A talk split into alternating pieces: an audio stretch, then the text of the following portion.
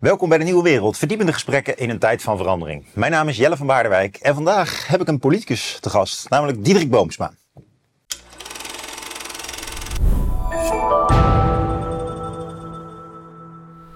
Ja, leuk dat je bent, Diederik. Ja, vind ik ook. Um, ja, we kennen elkaar al een tijdje. Uh, we hebben vroeger in het Amsterdamse, uh, in de intellectuele scene, zal ik maar zeggen, in de cafés en de boekenclubs, uh, ja. wel eens uitvoerig met elkaar gesproken. Ik heb ook al goede herinneringen aan. Ja, dat waren mooie tijden. Ja, dat waren mooie tijden, ja. En uh, we hebben elkaar een beetje uit het oog verloren. Maar ja, nu, nu ga je de politiek in. En uh, op andere momenten in je leven uh, heb ik je ook wel gevolgd. En, ik wil een paar van die momenten vandaag eruit pakken. Ook omdat jij als politicus nu ja, landelijke verantwoordelijkheid neemt. Je gaat van Amsterdam naar Den Haag. En het is wel leuk om jou wat beter te leren kennen. En ik ben ook wel gewoon benieuwd hoe je op bepaalde dingen terugkijkt. En daarom dacht ik van, als ik nou 15, 20 jaar terug ga. Ik dacht... Ehm, uh, nou, toen kwamen we elkaar meer regelmatig tegen. Toen werkte je bij Opinio. Dus oh ja. dat, was een, dat was een leuk uh, blad. Ik was er heel blij mee dat dat blad er was. Want het, was, het leek toen wel alsof de, de energie in het publieke debat... Uh, ja, die veranderde opeens. Want je had natuurlijk toen ook al Volkskrant, NRC, het Trouw was nog groot, um, Financieel Dagblad, uh, YouTube deden we nog niet, podcast was nog niet uitgevonden. En toen was daar opeens Opinio, dat een meer conservatieve, maar ook wel een beetje licht populistische uh, toon aansloeg. Weekblad was roze gekleurd. Knisperend roze papier. Uh, het was echt wat anders. ja. En, uh, uh, ik, ik, ik kan me herinneren dat vrienden en ja, dat mensen wel dachten van ah, hier gebeurt het of zo. Hè? En la later was dat um, opnieuw met de oprichting van de correspondent. Maar die had, die had een heel andere ideologische oriëntatie. Uh, dan, uh, dan Opinio. Maar dat was, dat was eigenlijk heel fris dat dat blad er was. Het, is, het heeft maar kort bestaan, hè? twee jaar of zo? Of, of, Ja, nog niet eens twee jaar. Toen ging het alweer failliet. Maar het, was, uh, het waren een fantastische anderhalf jaar. ja, het is natuurlijk heerlijk om zo'n blad te maken. En elke week chaos en, en druk en, en stress en deadlines. En dan hoor je ze weer voorbij suizen, die deadlines. En dan, maar je moest iedere keer dat blad natuurlijk. En dat was, ja, dat was echt schitterend. En je kunt, ja, allemaal verschillende dingen, natuurlijk al die thema's, uh, alle belangrijke maatschappelijke thema's wilden wij dan daar bespreken, behandelen. En daar dan ook de meest ja, uh, prikkelende en, en maar ook uh, ja, de beste meningen en de beste ehm, betogen met name. Dus, dus daarin ja. naar voren brengen. En dat, ja, dat heeft een tijd goed gewerkt. Maar helaas was het dan geen lang leven beschoren. Maar ja, dat was, het was mooi dat het, dat het er was. Ja, ja.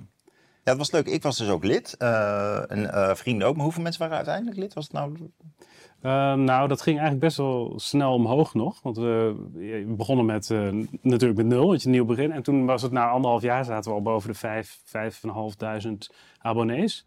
Dus nou ja, dat is eigenlijk nog best wel goed. Alleen het was niet genoeg om, uh, ja, om, om het helemaal zelf in stand te houden. En toen ja, is het uiteindelijk is de financier zich plotseling teruggetrokken, waardoor wij ook geen tijd hadden om andere stappen nog te bedenken om dat op te vangen. En ja, was het, was het gewoon gedaan. Mm. Wat is het mooiste stuk dat je mede gemaakt in dat? Je, je, je, je zat natuurlijk in de redactie, hè? dus je, ja. je, je programmeerde eigenlijk mede de inhoud. Want wat, wat zijn nog stukken waar je terug... Ik herinner me dat Mark Rutte zelfs een keer uh, stukken erin geschreven heeft. Of... Ja, we hadden Mark Rutte als gasthoofdredacteur. Dat was het, ja. ja. Uh, en dat, uh, ja, dat was leuk, maar dat was wel een beetje een politiek ding, werd het uiteindelijk.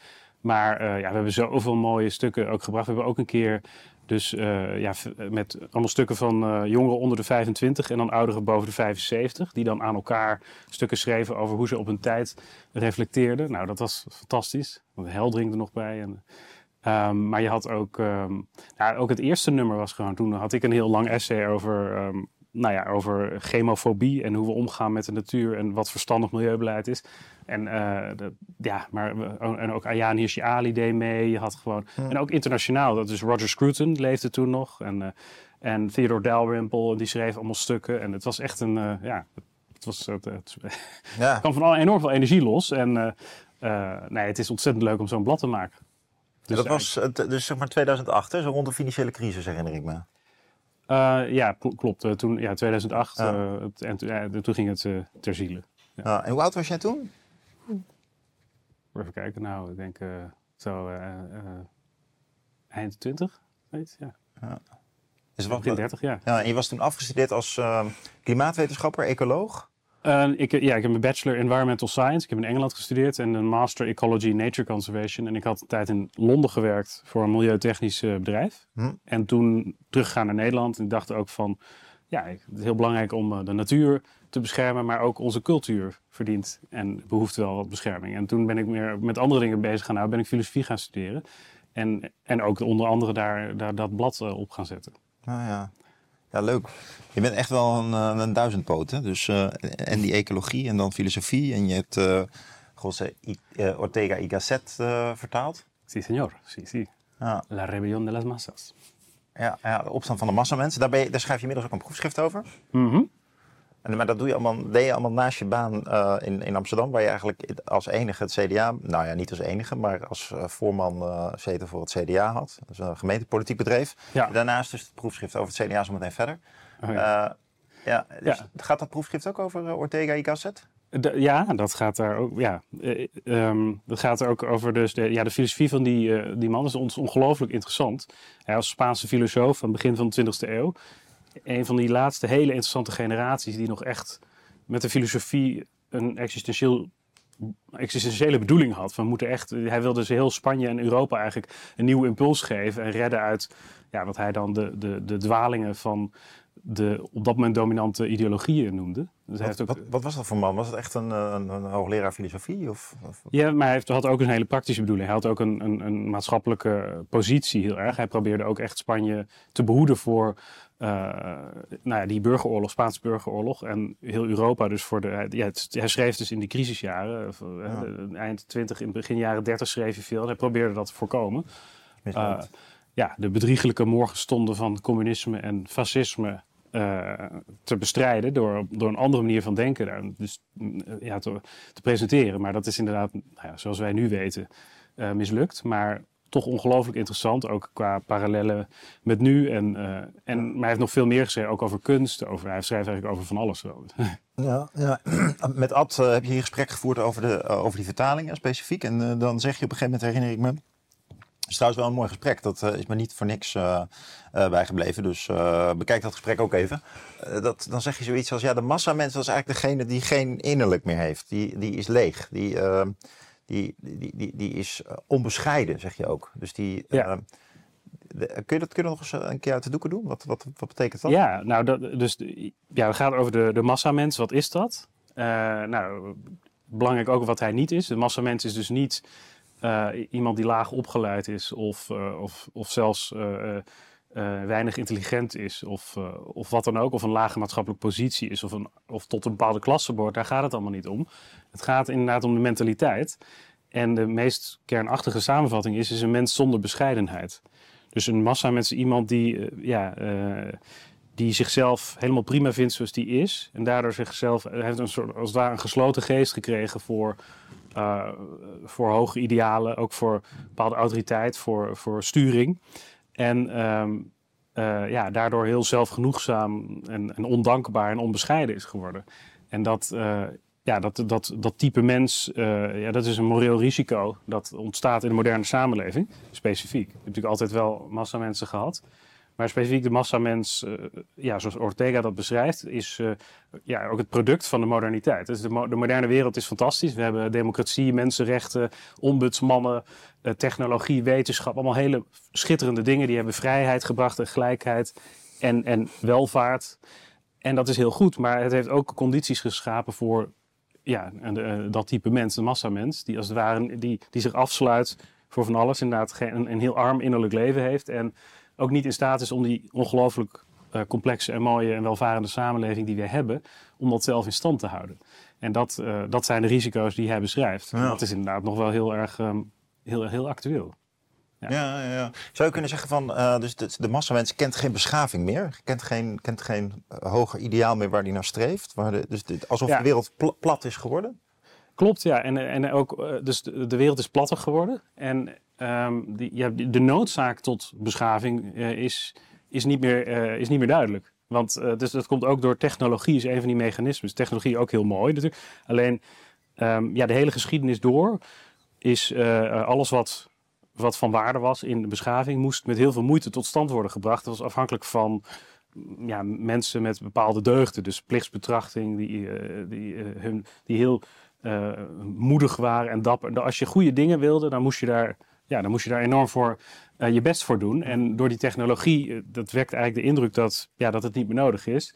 Dus hoe beter we worden in het beheersen van de externe natuur met technologie, hoe meer je de, de noodzaak tot de innerlijke cultivatie van, van de innerlijke mens, hm. dat uit het oog kunt verliezen. Hm. En ja, dat, dat, die, dat heel veel van de welvaart en de vrijheid die we nu hebben afhankelijk is van een bepaalde beschaving, innerlijke beschaving. Uh, ja, dat kan je makkelijk vergeten, omdat uh, dat wordt gemaskeerd door alle technologische vooruitgang, waardoor we wel heel welvarend zijn nog steeds. Maar uh, ja, die, die, die geestelijke waarden, als die uh, aan erosie onderhevig zijn, dan merken we dat niet zo snel. En dat is een van de risico's weer, dat, die hij ook beschrijft. Ja, ja. je, zei net, toen je, zeg maar, uh, je, je, studies achter de kiezen had in het bereik van klimaat en ecologie. Toen werd je journalist dus, via een uitweg bij een bedrijf of organisatie in Engeland. En toen zei je zo zoiets van, ja, toen ging ik me meer bekommeren om cultuur.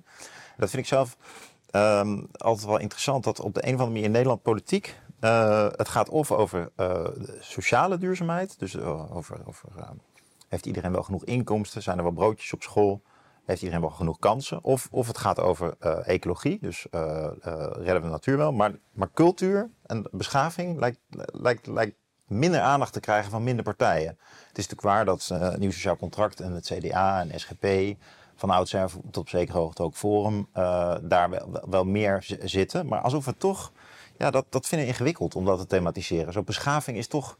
Ja, ja. ja wat, wat, waarom begin je daar nou over? Hè? Alsof dat een taboe is. Hoe kijk jij daarnaar? Ja, ik denk twee dingen. Um, een eerste zie je dat mechanisme wat ik net probeerde te beschrijven, dat een beschaving eigenlijk bijna, dat, dat steeds meer wordt gezien als iets vanzelfsprekends of automatisch. dus dat is ook een soort, dus oh ja. Ortega beschrijft een verband tussen technologie en primitivisme. Hm. Omdat je juist door die technologie kun je kun je primitiever worden in de zin van, als, van het cultiveren van innerlijke waarden vergeten. Maar ook dat, ja, dat je denkt dat die schitterende wereld die wij hebben geërfd en die wij om ons heen zien, die, dat die even natuurlijk is als, als, uh, ja, als de zonneschijn of een boom die opgroeit. Dat allemaal vanzelf gaat. En dat ook uh, parallel met bepaalde misvattingen in het onderwijs. Dat, het, dat het een soort natuurlijk proces is dat zich vanzelf ontvouwt. En dat, dat is niet zo. Dat vergt ja, uh, die vrijheid, die welvaart, dat vergt enorm veel onderhoud. En een actief uh, beschavingsideaal dat je voortdurend moet, ja, moet nastreven. En um, ja, dat, dat, dat, dat is inderdaad in de cultuur nu is dat, ja, dat besef is vrij ver weg, heb ik ja. het idee. Maar het is ook in de politiek wel dat ja, je kunt beschavingsidealen wel uitdragen, maar je kunt ze niet opleggen. En het is ook natuurlijk iets dat niet primair aan de politiek uh, is of zou moeten zijn om dat te doen. Je, dat is eigenlijk een taak van de samenleving als geheel. Ook van ja, alle, alle andere structuren, van gezinnen, ook van bedrijven, van, van religieuze organisaties, van kerken, van um, het middenveld, van de civil society. Hm. En uh, scholen, universiteiten, al, al, die instellingen, die zouden ook die beschavingsidealen moeten uitdragen. En, uh, en dan de politiek is natuurlijk ook wel gewoon, mensen willen wel, ja, je kunt daar een discussie over beginnen. En ik denk dat dat ook belangrijk is. Maar je moet ook gewoon goed beleid maken. Ja. En we, er is heel veel slecht beleid gemaakt. Dus denk ik, ja, die, die grote maatschappelijke vraagstukken die spelen ook. Maar het is ook aan de politiek wel de taak om um, uh, nou ja, gewoon goede wetten te maken. Een goed bestuur. Nou, dat kan bij een nieuw sociaal contract, maar ja. Het doe, doe me denken aan, uh, ik, ik was gisteren gastcollege geven op Nijrode. Een, uh, het viel me op. Ik moest er zijn om één uur. En er waren allemaal kleine slots met, met, met groepjes van drie, vier. En uh, er was heel veel feedback onderwijs sowieso. Uh, heel intensief eigenlijk. En uh, ik, ik denk dat ik wel vier uur achter elkaar bezig was. En was, ik heb geen één student horen zeggen van... nou, wat heftig of wat, wat, wat, wat, wat. Terwijl ik had echt het idee dat het best wel intensief was. Hm. Dat is eigenlijk ook al beschaving. Hè? Dat je gewoon zegt van ja, uh, tussen twee en zes gaan we hier gewoon op college lopen. Dat, dat, dat, is, dat is een bepaald tact. Dat is best wel intensief. Ja. En um, zo kom ik wel vaker op plekken, ook op uh, de Hogeschool Rotterdam, waar ik laatst ook betrokken was bij een module ethiek. En toen waren we drie uur bezig, dacht ik, oh, dat is echt wel mooi dat deze studenten gewoon drie uur achter elkaar. Maar als ik het over het algemeen beschouw, dan valt me op dat, dat, dat um, de eisen ook wel naar beneden bijgesteld zijn. Hè? Bijvoorbeeld uh, op hogescholen, dat het eigenlijk niet meer vanzelfsprekend is om te zeggen dat als je afstudeert, dat je dan een bepaald niveau Nederlands spreekt. Gewoon heel, heel elementair. Dus ja, nee, zeker. Dat je, ja, dat, je, die een tekst van 60 pagina's kan produceren nog tot daar aan toe. Dat is als de scriptie al bijna afgeschaft. Maar dat, je, dat het vanzelfsprekend is dat als je in de bibliotheek komt... dat daar in de business school het Financieel Dagblad ligt. Dat, dat, dat studenten uh, in ieder geval een stuk Piketty kunnen lezen. Dat, dat, dat eigenlijk, ja, dat is... Het, het is er wel. Hè? Dus als ik in de mediatheek kom, dan staan uh, boeken Piketty uitge, uitgestald. Maar het is niet meer uh, ik zie ze het niet meer lezen, zeg maar. Je moet dan echt, er moet een punt aangegeven worden en, dan wordt niet meer op taal gelet. Sommigen doen het wel, maar alsof, ja, alsof we dat ook verwaarlozen. Of anders gezegd, misschien dat in onze generatie nog vanzelfsprekend was voor docenten om dat over te dragen, die eisen. En nu dat men denkt, ja, ach, je hebt nu toch Google en... En ik, ik, ik, maak me daar wel erg zorgen over. Dat, uh, dat de kwaliteitseis die we stellen, bijvoorbeeld aan taal, aan het eind van studies, zelfs ook op de universiteit, dat die gewoon, ja, het lijkt, er niet te zijn. Hij is verondersteld. Maar... Dat is verschrikkelijk. Ja.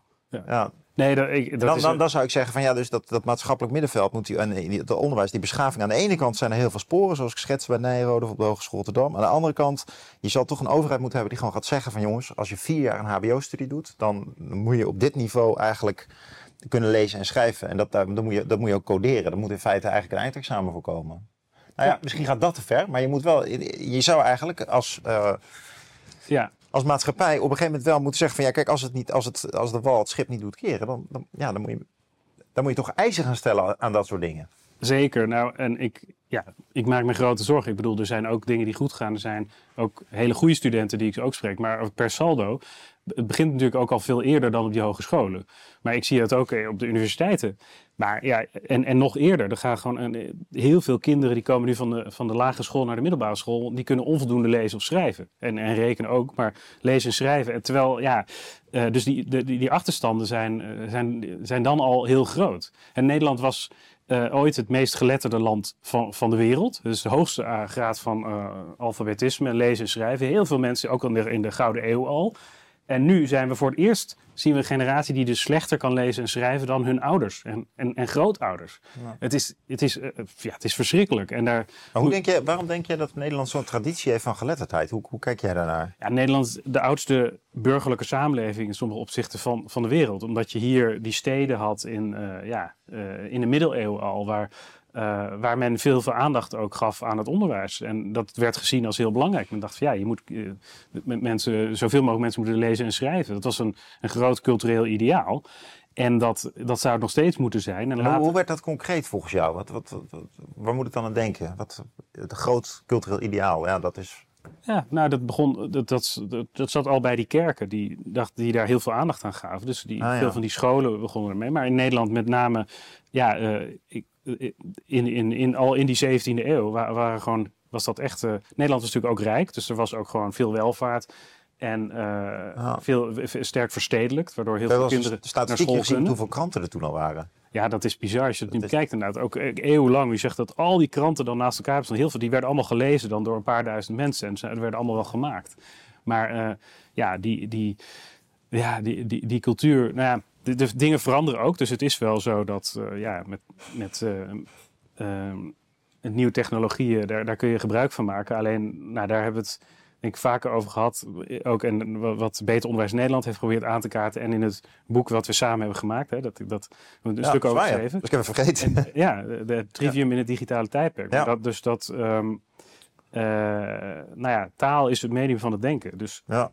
slordig taalgebruik leidt tot slordig denken. Ja. En dat leidt tot slordig handelen. Ja. Of slecht beleid. Maar ja, dat, dat is heel wezenlijk dat, dat je daar aandacht voor blijft hebben. En, en dat negeren of verwaarlozen daarvan, dat, ja, dat heeft ook te maken met bepaalde denkfouten in, het, in, in die onderwijsvernieuwingen die je de afgelopen decennia hebt gezien. Hm. Inderdaad, dat men dacht van je kunt nu dingen opzoeken, dus parate kennis is niet meer nodig. Nee, parate kennis is fundamenteel, want uh, je kunt ook geen je kunt ook niet creatief denken zonder kennis. Hè? Dus ja. creativiteit is het combineren van dingen in je, ja. die wel in je hoofd moeten zitten. Ja, even, tussendoor, je refereerde even een boek, dat heb ik samen met Ad gemaakt. Het heeft een mooie voorkant, lijkt een beetje op een iPhone, hoewel het uit 2014 komt. Toen had je dat ding ook al. En uh, het heet Onderwijs in tijden van digitalisering. En jij hebt er inderdaad ook een stuk in geschreven. En daar, bekritiseren we eigenlijk al de aanval op kennis en de idealisering van uh, technologie als vervanging uh, van uh, kennis. maar we, zitten hier ook om jou een beetje beter te leren kennen. Dus, en ik weet dat jij echt een, een, een, studieus type bent. Maar kan je, ons, kan je me toch even kort meenemen in hoe, jij dan, hoe, zorg jij dan dat jij parate kennis hebt? Want je lijkt me iemand die makkelijk leest. En uh, je, je, je, je, hebt gymnasium gedaan, je hebt meerdere studies gedaan, je promoveert, je, je, je, beweegt je gemakkelijk tussen intellectuelen. Je bent journalist geweest, maar ik denk dat veel mensen ook wel denken van nou, die, die, die direct die heeft een uh, intellectueel beschavingsniveau, dat zou ik ook wel willen. Maar lees je dan elke dag de krant of wat heb je dan?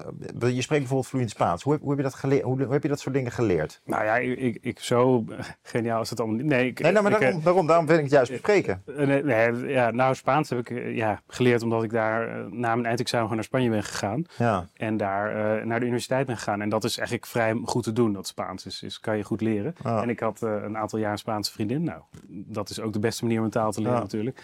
Um, maar weet je, dat, weet je dat, want je zegt nu echt uh, vrij nonchalant en zo gezegd, maar uh, de cijfers van studenten die naar het buitenland gaan via een Erasmus-programma, die cijfers dalen. er, zijn, ja. er zijn helemaal niet veel mensen die dat doen. Dus dat, dat, is eigenlijk raar. Ik heb een tijdje in Duitsland gezeten, dat was hartstikke leuk. Ja. En daar, daar dank ik ook mijn uh, goede Duits aan. En uh, dat is echt daardoor ja. gekomen. Ja. Heeft trouwens ook een vrouw een belangrijke rol gespeeld. Dus uh, de, de, de, de klamboe was niet afwezig. Maar de, uh, ja, wat, wat, wat ik daarmee wil zeggen is: van, ja, dat is, zo eenvoudig is het eigenlijk. Hè? Zoiets leer je dus door dat gewoon te doen en de moed daardoor te hebben. Ja, en verder. Vertrek gaan naar een andere stad en ga daar studeren. Dat, dat zou ik, ja, dat kan ik, kan ik mensen zeker aanraden. Maar het is. Want je hebt ook in Engeland gezeten, hè? Ja, ik heb mijn hele studie verder in Engeland gedaan. Dus Ik heb niet in Nederland gestudeerd.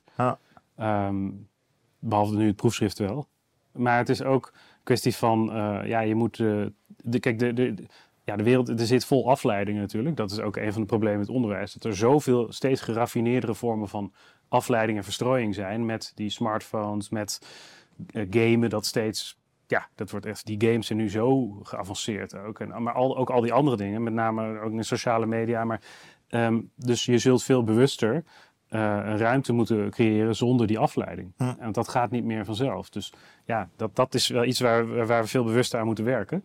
Uh, dat je, en dat, daar probeer ik ook te doen. Dus gewoon s ochtends uh, een blok vrij te maken van twee uur om heel vroeg dan, maar om, om te lezen.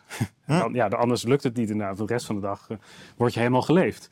Hm. Um, en dat is denk ik ook belangrijk in het onderwijs. Dat is ook een van die ja, van die denkfouten, denk ik, die, uh, uh, waar Ad Verbrugge het ook voorheen al over had. Maar de gedachte dat, oh, omdat de rest van de wereld zit zoveel afleiding en dan moet je het onderwijs moet daarin meegaan om, om de kinderen daarop voor te bereiden. Maar het is juist andersom. Juist omdat je al die geraffineerde afleiding hebt en al die smartphones, moet je van het onderwijs, zou ik zeggen, een plek maken waar ja, die daar als het ware tegen beschermt. Waar kinderen echt leren om zich beter te concentreren, zodat ze beter om kunnen gaan met die wereld van uh, ja, daarbuiten. En, en daarom denk ik ook dat het goed is dat die smartphones zo uit die klas worden gehouden. Dat die hè, thuis of in de kluis.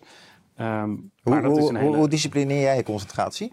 Ik kan mijn telefoon eerlijk gezegd heel slecht wegleggen hoor. Dus ik, als ik lees, dan kijk ik gewoon uh, om de vijf bladzijden van mijn telefoon. Dat geef ik. Ja, nou ja, dat, dat, ik denk dat iedereen daarmee zit. Komt, komt het, is, niet aan. het is een verslavend ding. Die algoritmes worden bedacht door mensen die ja, die, die, hebben daar een belang bij. Dus dat, dat vergt een uh, hele bewuste inzet. Ja, nee, ik ben het helemaal met je eens. Ja, je, je bent geneigd om uh, ja. iedere keer terug naar die kleine dopamine shot van zo'n berichtje. Maar ja, dat is, uh, ja, dat is ook een belangrijke vraag nu wel voor het onderwijs. Ja. Dus, maar er zijn eigenlijk twee sporen in jouw denken en handelen. Van de, de, het intellectuele verdiepende, waar ook een proefschrift in zit, en het politieke handelen.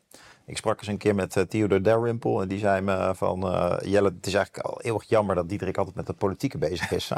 Zo'n talent. Hij zou gewoon moeten schrijven, moeten spotten. En, um, vanwege je humor. En, uh, ja, en eigenlijk essays moeten schrijven en, en de opinietraditie door moeten zetten. Toen dacht ik wel van, ja, heeft hij er nou helemaal gelijk in? Dat is eigenlijk ook, zou ik zonde zijn. Hè? Dan zou je verloren gaan in de bibliotheek. Kan nou, je je nou- voorstellen dat hij dat heeft gezegd over je? Uh, ja, Tony, ja, want nee, hij um, is natuurlijk een geweldige essayist. Een van de grootste essayisten in het Engels dan in, van onze tijd. En uh, ja, hij, ik, ik, kan het heel goed met hem vinden. Hij wil altijd zit hij te zeggen dat ik meer moet gaan schrijven. Maar ja, ik bedoel, dat, dat, ik, ja, dat is, ja. is ook belangrijk. Maar goed, uh, ja. ik denk de politiek is ook heel belangrijk. Zeker nu je ook een, een kans hebt om echt een nieuwe, nieuwe partij te starten. Een nieuwe beweging te beginnen. Dat, ja, ja en schrijven, daar hoop ik ook nog wel te blijven doen. Maar ja, dat hopelijk sluit het een het ander niet uit. Dus, nee, nee, nee, dat hoop ik ook. Uh, wat, wat van nieuw sociaal contract waar je nu uh, voor gaat uh, inzetten, wat, wat spreekt jou het meest aan? Wat, wat, wat zijn de punten die jou nou, aan het hart gaan? Het, um, de, het belangrijkste is dat, dat de analyse van Pieter Omtzigt en die wij dus ook delen over wat er is misgegaan en wat er moet gebeuren, dat die, nou, dat, ik denk dus dat die klopt. Dat gaat om over dat, dat er iets fundamenteels is misgegaan in het hele openbaar bestuur in, eh, in de afgelopen jaren. En dat Nederland in al die fuiken gezwommen, technocratische fuiken, van stikstof tot migratiebeleid tot het belastingstelsel. Al die thema's en elke fuik werd als ongeveer een crisis. En dat betekent, die fuiken, dat komt erop neer dat je, technocratie is dat je de, een gezonde belangenafweging niet meer wordt gemaakt. Uh, en de menselijke maat verdwijnt in een soort bestuurlijke spaghetti. En, en dat is ja, dat, dat leidt ertoe dat er heel slecht beleid is gemaakt en dat ook is ontspoord. Nou, je zag het in de toeslagaffaire natuurlijk hoe mensen echt werden vermorzeld door die bureaucratische machinerie van de staat. Maar ehm, eh, dus wat er voor nodig is met al die crisissen die, we, die worden besproken, een van de meest fundamentele is de vertrouwenscrisis. Dat mensen steeds minder vertrouwen hebben in de overheid uh, en andersom. En uh, om dat te herstellen, moet je daar ook beginnen. Dus dat is heel wezenlijk. Dat vertrouwen in instituten moet weer terug. En dat moet je terugwinnen door, door, ja, fundamenteel het bestuur te verbeteren. Hm. En uh, nou, da, dus dat, dat nou, zeg je, nou, nou, nou, zeg je die, die gezonde belangenafwegingen. Kan je me eens meenemen, Lies, met een voorbeeld waar je echt bij betrokken was uit Amsterdam bijvoorbeeld? Van wat, wat is dan hoe, wat een gezonde belangenafweging? Ik heb er allemaal beelden bij, maar eh, ik weet dat jij bijvoorbeeld rondom um, de sekswerkers, rondom het behoud van bepaalde architectuur, rondom klassieke muziek en nog een hele andere, andere reeks dossiers uh, best heftig heb geïnterveneerd, uh, tot en met in de media aan toe. Dat mensen echt over schreven van wat die Boomsma nu weer doet. Maar in welke zin heb jij die, die, die, die gezonde belangenafweging of dat integrale denken, waarbij de spaghetti het niet, niet die, die, heb je juist bekritiseerd. Hoe kan je, neem ons eens mee dat dat concreet wordt. Um, ja, de, kijk, er zijn ook veel dingen die ik heb politiek heb gedaan die niet echt daaronder vallen. Als ik bijvoorbeeld gaat om het. Uh, uh, maar uh, nou, als het gaat om, die, om die, het opschonen van de wallen. Dus inderdaad, het, dat is dat die invloed van het massatoerisme, hoe dat die hele sociale ecologie van de stad heeft verstoord, met name in de binnenstad. En de positie van. Um, uh, ja, van de sekswerkers daarin. Maar dat gaat ook wel, kijk, wat je volgens mij als, als politicus moet doen om, om die technocratische vuiken te doorbreken, is nog even dan abstract, maar dan kom ik concreter. Dus, dus eerst helemaal uitzoomen om die hele fundamentele morele vragen en die belangenafwegingen uh, te maken en te stellen. En dus de, helemaal uitzoomen van wat is, is dit normaal? Wat gebeurt hier? Wat is eigenlijk wat we zouden moeten willen? En dat proberen te onderbouwen. En dan inzoomen in alle technische en juridische details om het daadwerkelijk te kunnen veranderen. En um, dus dat uitzoomen, dat gebeurt vaak niet meer, omdat mensen vastzitten in een soort koker. Hm. En in het geval van, nou, met name die prostitutie op de wallen, eh, maar dat is, ja, in die zin, want dat is gewoon een, een, een echt een meningsverschil. Maar je kunt jezelf wel, op een gegeven moment, als je helemaal uitzoomt, dan kan je de vraag stellen van waarom moeten wij als, als gemeente nou stimuleren of faciliteren dat naar het oudste en mooiste deel van onze stad, dat daar elke week hordes hooligans naar afdalen om de lichamen te gebruiken van de straatarme Europe eh, Oost-Europese vrouwen. Is dat nou iets waar wij trots op moeten zijn? Is dat iets? Maar waar moeten, moeten, moeten we dat nou vieren als een vorm van vrijheid? Hè? Dus bijna een soort. Ja. Nou, en dan volgens mij is dat niet iets wat we moeten vieren. Moeten we er ook mee stoppen? En ja, door zo uit te zoomen. Ik denk wel dat die discussie aan het kantelen is, al enigszins gekanteld is. Maar en volgens moet je inzoomen, hoe krijg je dat dan gedaan? Maar een ander voorbeeld is, is um, in Amsterdam ben je heel veel bezig gehouden natuurlijk met erfpacht. Dus je hebt een ook dat is, dat is een absurd complex systeem dat bol staat van de willekeur. Dat mensen plotseling opzalen met een gigantische verhoging van hun woonlasten. dat ze plotseling 50.000 euro extra moeten betalen om in hun eigen huis te kunnen blijven wonen. Hm. En vervolgens, als ze te laat inloggen op de gemeentelijke website, is het nog een keer 50.000 euro extra. Dus je krijgt 50.000 euro extra betalen omdat je niet je vinkje hebt gezet op de gemeentelijke website. Of een, een dag te laat hebt gedaan. Hm. Een website die er ook nog eens vaak uitlag dan zeg ik, ja, zo kan je als overheid niet met mensen omgaan. En dan ook moet je even terug, waar, waar gaat het hier nou eigenlijk om? Ja, de overheid wil belastinggeld ophalen om belangrijke dingen mee te kunnen doen. Helemaal eens. De overheid moet belastinggeld ophalen. Alleen dan is dit volstrekt de verkeerde manier. Dus je, je hebt een, een, systeem opgetuigd dat ook nog eens tientallen miljoenen kost in de uitvoering. Hm. Wat heel veel, wat, allerlei mensen dupeert. Wat niet, ja, dus dan, en waarbij mensen uh, worden, ook weer worden vermorzeld door die bureaucratische machinerie. Hm. Waarbij een overheid weigert om te leren van eigen fout. Maar hier heb je wel ook, ook politieke discussies over algemene idealen, maar die hebben we wel eens vaker gevoerd. Ik ben benieuwd wat je daar nu weer van zegt. Maar de, bijvoorbeeld, het, neem die erfpacht. Hè. Je kan ook meer vanuit een, vanuit een uh, zeg maar een, uh, een, uh, een burgemeesterkader of een boven de politiek staand kader denken van die, die, die, uh, die erfpachten zijn een instrument om bijvoorbeeld te sturen dat de rijken meer belasting betalen dan de middenklasse. Dus je zou bijvoorbeeld kunnen zeggen in deze wijk verhoog je uh, de, de, de, erfpachten, zodat je een beetje balans houdt. Want Amsterdam is een goed voorbeeld van een stad waar heel veel armen en heel veel hele rijken wonen. De middenklasse heeft het eigenlijk zwaar. Ja. Nee, is het, Dus is het niet juist een beleidsinstrument dat ook juist moet worden ingezet voor dat soort correcties? Of vind jij... Nou, dat kan, maar de, je, je kunt, uh, dat is een, een, politieke discussie die je kunt voeren. Ja. We willen wat meer belasting voor de mensen die. Ja. Alleen uh, erfpacht is het volstrekt verkeerde instrument. Het is ook omdat het privaatrechtelijk iets is, zijn contracten, dus die zijn met iedereen weer anders. Hm. En in, bij erfpacht zijn juist de mensen in de in de wijken met, met uh, goedkopere woningen zijn extra de dupe. Omdat die daar helemaal de pan uitreizen, die prijzen. Er zit een soort financiële hefboom in. Dus met name bijvoorbeeld in Bos en Lommer. Uh, gewoon een wijk waar, waar huizen staan van, van, van nou, 2,5, 3, 4 ton.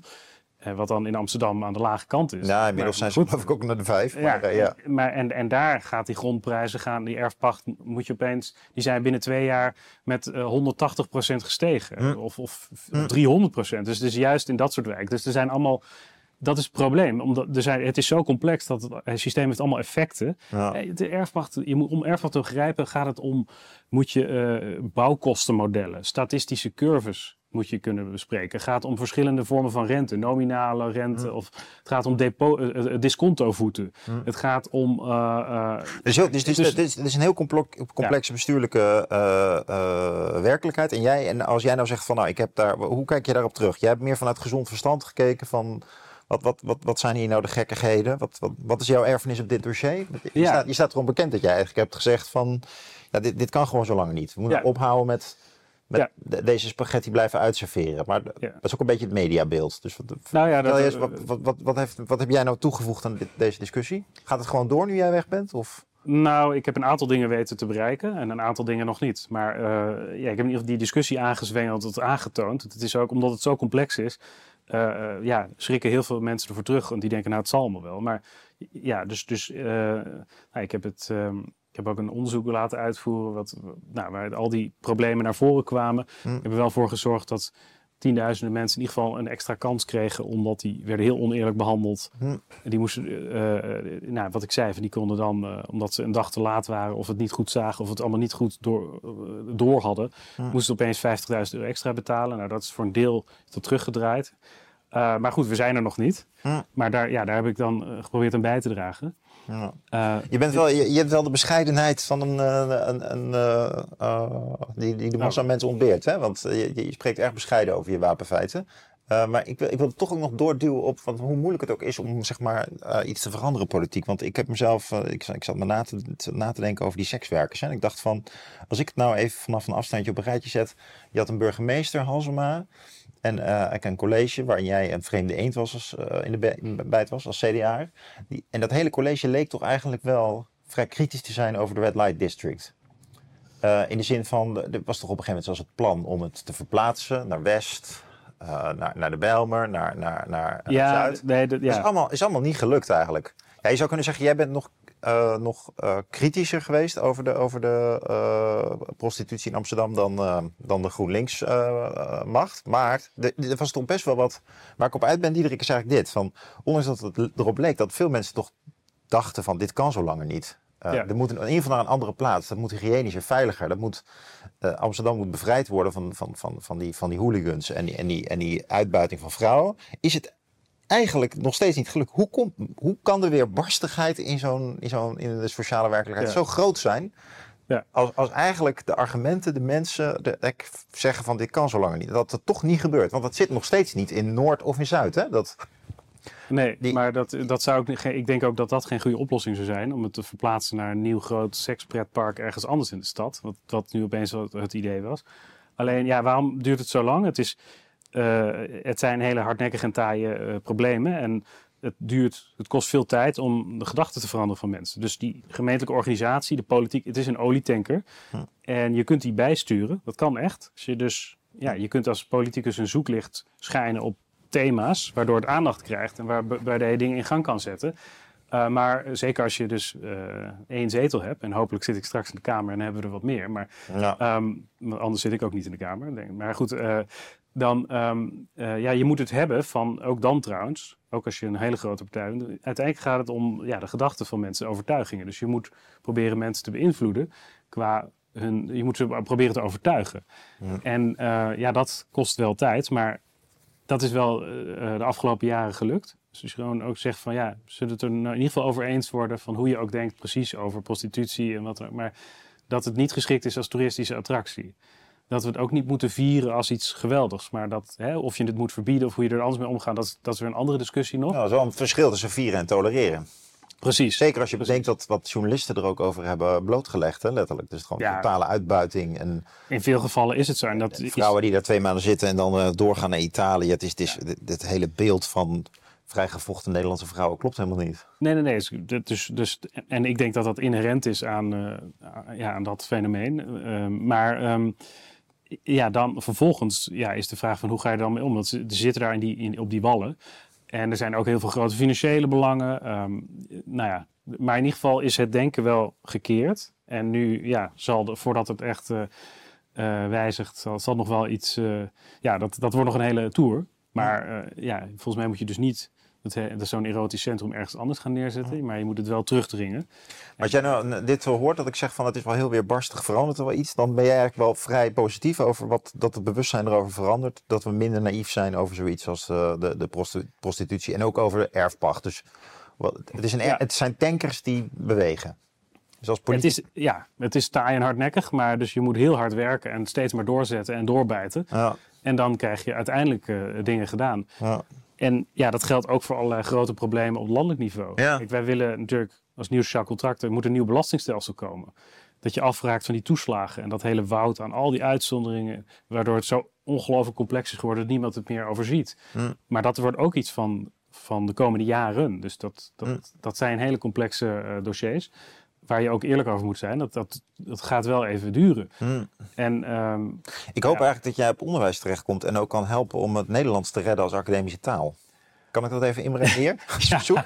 Nou, ik zou dat heel Zou graag... dat, zou dat passen bij jou? Want het is wel. Ja. die, eh, eh, eh, Omtzigt heeft dat echt ook nu opgeschreven, Diederik. Dus dat hij het belangrijk vindt om die verengelsing te stoppen. Ehm, Ja, nou, dat staat- denk, denk je dat jullie bereid zijn om daar Absoluut, ja. Nee, dat echt een verschil te gaan maken? Of wordt dit ook een olietanker van ja, eh, geen nieuwe studies in het Engels? Ja, maar ja, het is bijna allemaal in het Engels. Dus dat, ja, als je wil, wat wil veranderen, dan moet je echt terug naar een Ja, vernederlandsing van het systeem. Ehm, ja, nou, helemaal eens. Dit, dit is een belangrijk punt voor een nieuw sociaal contract. Ook ons verkiezingsprogramma. We willen, ehm, ja, dat, dat, dat is uit de hand gelopen met die verengelsing in het, in het hoger onderwijs. En eh, nou, ook überhaupt natuurlijk dat 40% van alle eerstejaars uit het buitenland komt. Dat is eigenlijk te veel. Eh, Ja, ik heb zelf in het buitenland gestudeerd, allemaal prima. Maar je moet wel, de Nederlandse universiteiten moeten in principe zijn er voor de, voor de Nederlandse studenten. En die, daar is ook het Nederlands als taal natuurlijk fundamenteel om dat te bewaren. Ja. Want je wil niet een, eh, ja, een provinciale taal worden. En als je die helemaal uit gaat sluiten van het hoger onderwijs, dan verlies je zoveel. aan- het leuke is natuurlijk dat, om- omdat het zo goedkoop is om hier te studeren, voor bijvoorbeeld Duitsers en, en, eh, en Spanjaarden, eh, die kunnen hier dan. eh, ik heb dan toevallig een paar Spaanse studenten, dus dan weet ik dat dan. En die, die- het is zo goedkoop dat je eigenlijk kan zeggen van nou, leer gewoon Nederlands in de zomervakantie. Zo moeilijk is dat niet. Hè? Wij, jij hebt Spaans geleerd, ik heb Duits geleerd. Dat ken je natuurlijk van de middelbare school, maar dat wordt dan op een bepaald Ja. niveau gebracht, waardoor je die colleges kan bijwonen. En na een jaar ga je terug en heb je die taal in je gereedschapskist. Je kan eigenlijk gewoon zeggen van nou, die 40%, nou misschien is het geen ramp dat die zoveel buitenlanders zijn, maar laat ze wel integreren. Oh nee, ja precies. Nou ja, 40% is denk ik gewoon te veel. Want het gaat ook om huisvesting en andere hè, de, druk op de voorzieningen. Ja. Die massaliteit van het hoger onderwijs is ook problematisch. Mhm. Kleine groepen is daar Ja, ben ik mee eens hoor. Maar, eh, maar is, ja, zeker als mensen Nederlands leren natuurlijk fantastisch. Ik bedoel, Ja. Maar misschien is dat is- gewoon al de eerste knop waar je kan draaien. Dat je zegt van ja, je kan hier komen studeren, dan moet je Nederlands leren. Nou, dan valt waarschijnlijk de helft al af. Want ze komen hier niet met echte intrinsieke motivatie. En degene die dat wel doen, nou ja, ja, nou, de, ik stel denk, dat dat 20% is. Heel veel zullen natuurlijk geen Nederlands gaan leren. Daar moet, dat is, dat, dat Omdat we ik niet vragen. verwachten. Nee, maar ook als je het wel gaat vragen, dan gaat het toch een deel haakt af. Want die ja. willen dat niet. Maar eh, ja, ehm, het, het, het, blij- het- dus ik denk dat je daar belangrijke stappen moet zetten. Het is wel zo dat het inderdaad, je kunt niet in, van dag één zeggen van nu stoppen we met alle colleges in het Engels. Want ja, je hebt natuurlijk universiteiten hebben docenten Ja. die alleen Engels spreken. Je hebt ook bepaalde colleges waar het natuurlijk ook waar het niet erg is. Hè? Je kunt dat niet. Het is op is, is Engels de is wel. kant is het staat in de wet. Hè? En heel veel universiteiten hebben ook als regel van na vier jaar moet je het Nederlands machtig zijn. Ja. En dat veel hoogleraren hier eh, zeg maar, eh, heen gekomen zijn en dat Nederlands niet geleerd hebben. Dat is ook, ook een soort vorm van, eh, even een vliegje wegslaan, ook een soort vorm van kolonisatie eigenlijk. Ze komen, ze komen hier eigenlijk met hun eigen internationale taaltje. Ze krijgen een mooie positie en ze passen zich niet aan aan de taal. Dat is eigenlijk vreemd, terwijl het wel in de wet staat. Ja, nou ja, kolonisatie is misschien. is een zwaar woord. in- in- in- Geef ik ja. onmiddellijk toe. maar die wordt, dat woord wordt wel heel erg veel gebruikt. eh Ja. de dacht ik net afgelopen ook. tijd. Van Dacht bijna ik alles is kolonisatie. Dus eh, Ja. laten we het niet over Israël hebben. Want dat is natuurlijk ook vreselijk hoe dat in dat decolonisatiediscours wordt getrokken. Terwijl een totaal andere eh, geschiedenis eigenlijk heeft. Maar ehm, ehm, voor, ja, het, het, het, is, ja, het, het probleem is ook dat, eh, dat veel Nederlandse docenten dan in het Engels gaan lesgeven. Terwijl ze het helemaal niet goed. Dan krijg je dat steenkolen-Engels van Hm. zowel docenten als studenten die dan ja, eh, bij hun studie psychologie of wat dan ook in, in halfbakken Engels moeten gaan formuleren. Dat is zo fundamenteel. Je moedertaal is toch de taal waarin je het meest subtiel kunt denken. In de meeste gevallen. Hè? Dus. En het is goed dat je je eigen taal eerst heel goed leert. En daarna vind ik het natuurlijk fantastisch. En ook heel belangrijk dat mensen ook Engels leren. En dat, dat, dat, je, dat, dat je ook colleges kunt hebben in het Engels. Prima. Maar de basis moet zijn in het Nederlands. En dat goed leren beheersen. Goed leren lezen, schrijven, spreken in het Nederlands begint natuurlijk al op, hè, in, in de, op de Ja. lager en middelbaar onderwijs. Maar zeker op de universiteit moet je dat nastreven. En dat is Nou, ook op de hogescholen, Dirk. Neem dat mee alsjeblieft. Als je En de hogescholen, ja. Nee, Nee, maar hogescholen worden vaak. We hebben tegenwoordig heel veel over het MBO en over de universiteit. De hogescholen worden vergeten. Dan zitten heel veel mensen, heel veel MBO'ers groeien ook door naar het eh, Ja. HBO. Dus dat is geweldig. En eh, dat is dus de, de belangrijke emanciperende factor in Nederland. Maar, maar taalonderwijs, het belang van taalonderwijs, is eigenlijk onderschat op hogescholen. Ja, nee, is helemaal eens. Dus de- ook zeker daar. Ja. Ja. Ehm, nog even over, die, over dat verschil tussen laag en hoog opgeleid, hè? of praktisch opgeleid, zoals we het tegenwoordig liever noemen. Eh, kunnen we jou ook verwachten in, in die sferen? Zou je dat ook interesseren van nadenken over hoe we de, eh, de MBO's meetrekken in de vaart der volkeren? Eh, of of is, is, zou je daar. Nee, zeker. Het is heel belangrijk. Ik, ik, ik ben zelf wat minder bezig met die labels en woorden. Dus of je het nou... Ik denk op zich dat het heel belangrijk is om het praktische werk en het, het ambachtelijke werk veel meer te waarderen. ja. Dat er een soort... Maar dat is het probleem met heel veel MBO's, hè, dat ze helemaal niet ambachtelijk zijn. Dus, Ja, nee, maar dat, daar- dat, zou, ook- dat zou veel beter kunnen. Ja. Omdat dat is een van de problemen dat heel veel van dat onderwijs, dat dat, eh, ja, dat, wordt, dat, dat, dat dat te abstract wordt en veel te theoretisch. En ter- terwijl heel veel dingen die je moet leren, er zijn ook een kwestie van ja, nabootsen. Ik denk ook dat het belangrijk is dat je veel meer... ehm, dus je kunt ook heel veel leren gewoon van door te doen, door te werken. Dat Ja. je meer van die trajecten hebt. meer beroepsgericht en dan vanuit de nabootsing werken, dat mag gezegd. Ja, en eh, ook, ook zoals in Duitsland dat meer eh, speelt. Maar dus ja, heel veel half theoretische opleidingen waar je dan wat dingen... Ja, ik denk dat dat... eh, dat het benadrukt van de waarde van ambachtelijk werken, praktisch werken, dat het, eh, dat, dat, dat het eh, ja, ook in die mbo's eh, van grote waarde kan, z- kan zijn. Maar zeker ook in ja, de maatschappij als geheel. Ja, ja. Dus En nog even een andere vraag. Je gaat straks van Amsterdam waar je in één pitter bent. Of je werkt natuurlijk wel met- met andere mensen samen. Maar ik neem aan dat je toch vooral zelf trekt naar het CDA. En nu ga je naar een hele grote organisatie. Van, is, ga, ga je die stap redden? Is dat, is dat niet heel heftig voor jou? Nieuwe vergaderingen? Eh, de hele tijd afstemmen op anderen? Of, of, of, of ligt jou dat wel goed? Eh, Nee, nee ja, het is eh, een enorme uitdaging. Het is echt fantastisch om zo'n nieuwe partij op te bouwen. En vanaf het begin erbij te zijn. En dan dus zo'n team te vormen. En ja, het is ongekend ook in Nederlandse politieke geschiedenis. Hè? Dat je dus, wat wij hadden, dus, dus eh, 2500 mensen solliciteerden voor plekken in de Tweede Kamer. Dus massaal dat enthousiasme en die, dat loskomt. En dat is juist, ja, dat is wel ook heel erg wennen voor mij inderdaad. Omdat ik gewend ben in mijn eentje daar in die raad te zitten Hmm. als enige raadslid. Maar nu, dit is fantastisch. Want je hebt gewoon heel veel eh, mensen met ongelooflijk veel... Ja, weer andere vaardigheden en ervaringen en kennis die ik niet heb. En waar je dan mee kunt sparren, waar je, eh, ja, waar je mee in discussie kunt gaan... en waarbij je samen zo'n nieuwe beweging kunt opzetten. Dat is, eh, nee, het is vooral ook heel erg leuk. Hmm, hmm. En ja, ik, je moet natuurlijk meer afstemmen, maar dit, eh, dit, ja, dat, biedt natuurlijk ook juist ontzettend veel kansen. En Ja. hopelijk komen we gewoon inderdaad met veel in die Kamer en kunnen we echt Nederland gaan veranderen. Ja, ik hoop het ook, Diederik. Nou, geweldig dat je hier wat meer kan vertellen over jezelf en uh, over hoe je kijkt naar vooral het onderwijs. Want uh, maar dat is ook wel mijn preoccupatie. Maar ja, ik, ik, ik, hoop gewoon dat je dat dossier oppakt. Het kan, het kan ook iets heel anders zijn. Hè? Want stel, jullie krijgen 30 zetels of uh, 25. Ja, dan zal je toch op eigenlijk alle dossiers thuis moeten zijn met elkaar. Hè? Dus dan, dan ja. Dat, dat zou wel heel interessant worden. Dan kan je misschien ook op de Belastingdienst gezet worden of op uh, financiën. Dat, zou, nou, dat ligt niet voor de hand met jullie team, maar... Nee, je hebt echt een aantal fiscalisten die dat zullen, die, die dat zullen moeten doen. Ja. Um, maar goed, in een team kan je wel overal mee blijven bemoeien. Dus dat, uh, ja. Maar nee, ik, ja, ik, ik zou graag uh, de portefeuille onderwijs uh, een bijdrage leveren. Maar ik ben ook, ja, ook erg geïnteresseerd in, in meer de culturele thema's, maar ook migratie is natuurlijk heel belangrijk. Het stikstofdossier, ik ben ook ecoloog, dus natuurbescherming, een zinnig milieubeleid lijkt me ook heel belangrijk. Hm. Dus uh, nou ja, ja, dat is genoeg te doen. Ja. Ondanks dat je dat gestudeerd hebt en toen journalist werd, uh, uh, je intellectueel ontwikkelde en, en de politiek in ging, is dat toch voor jou nog steeds een, een, een thema waar je mee bezig bent, ecologie? En, en, ja, dat dan nog steeds wel. Ja. En ze ook, ook zien omdat er zoveel... Dus dat heb je al vastgehouden in al die... Ja, ja, ja, ja, zeker ook. Maar ook omdat er zoveel slecht beleid is geweest, slecht milieubeleid is geweest. En dat het belangrijk is om daar goed beleid van te maken. Ik vind het interessant, want uh, we zitten aan het eind van het gesprek, maar je komt nu ter tafel. Maar die, dit nieuw sociaal contract is natuurlijk helemaal niet zo groen geprofileerd. Hè? Dat is meer het, uh, het, het links-progressieve thema. Um, maar, maar eigenlijk ben je wel het groene hart van nieuw sociaal contract.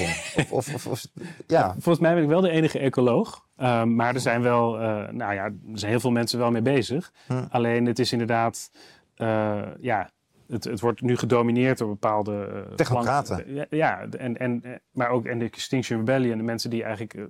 ja, dat leidt dus juist tot slecht beleid. Je moet ook gewoon heel praktisch en gezond verstand nadenken. Want het is een praktisch probleem die klimaatverandering en die stikstoffen. Dat, moet je, dat kan je met verstandig beleid kan je dat gewoon goed aanpakken. En mm.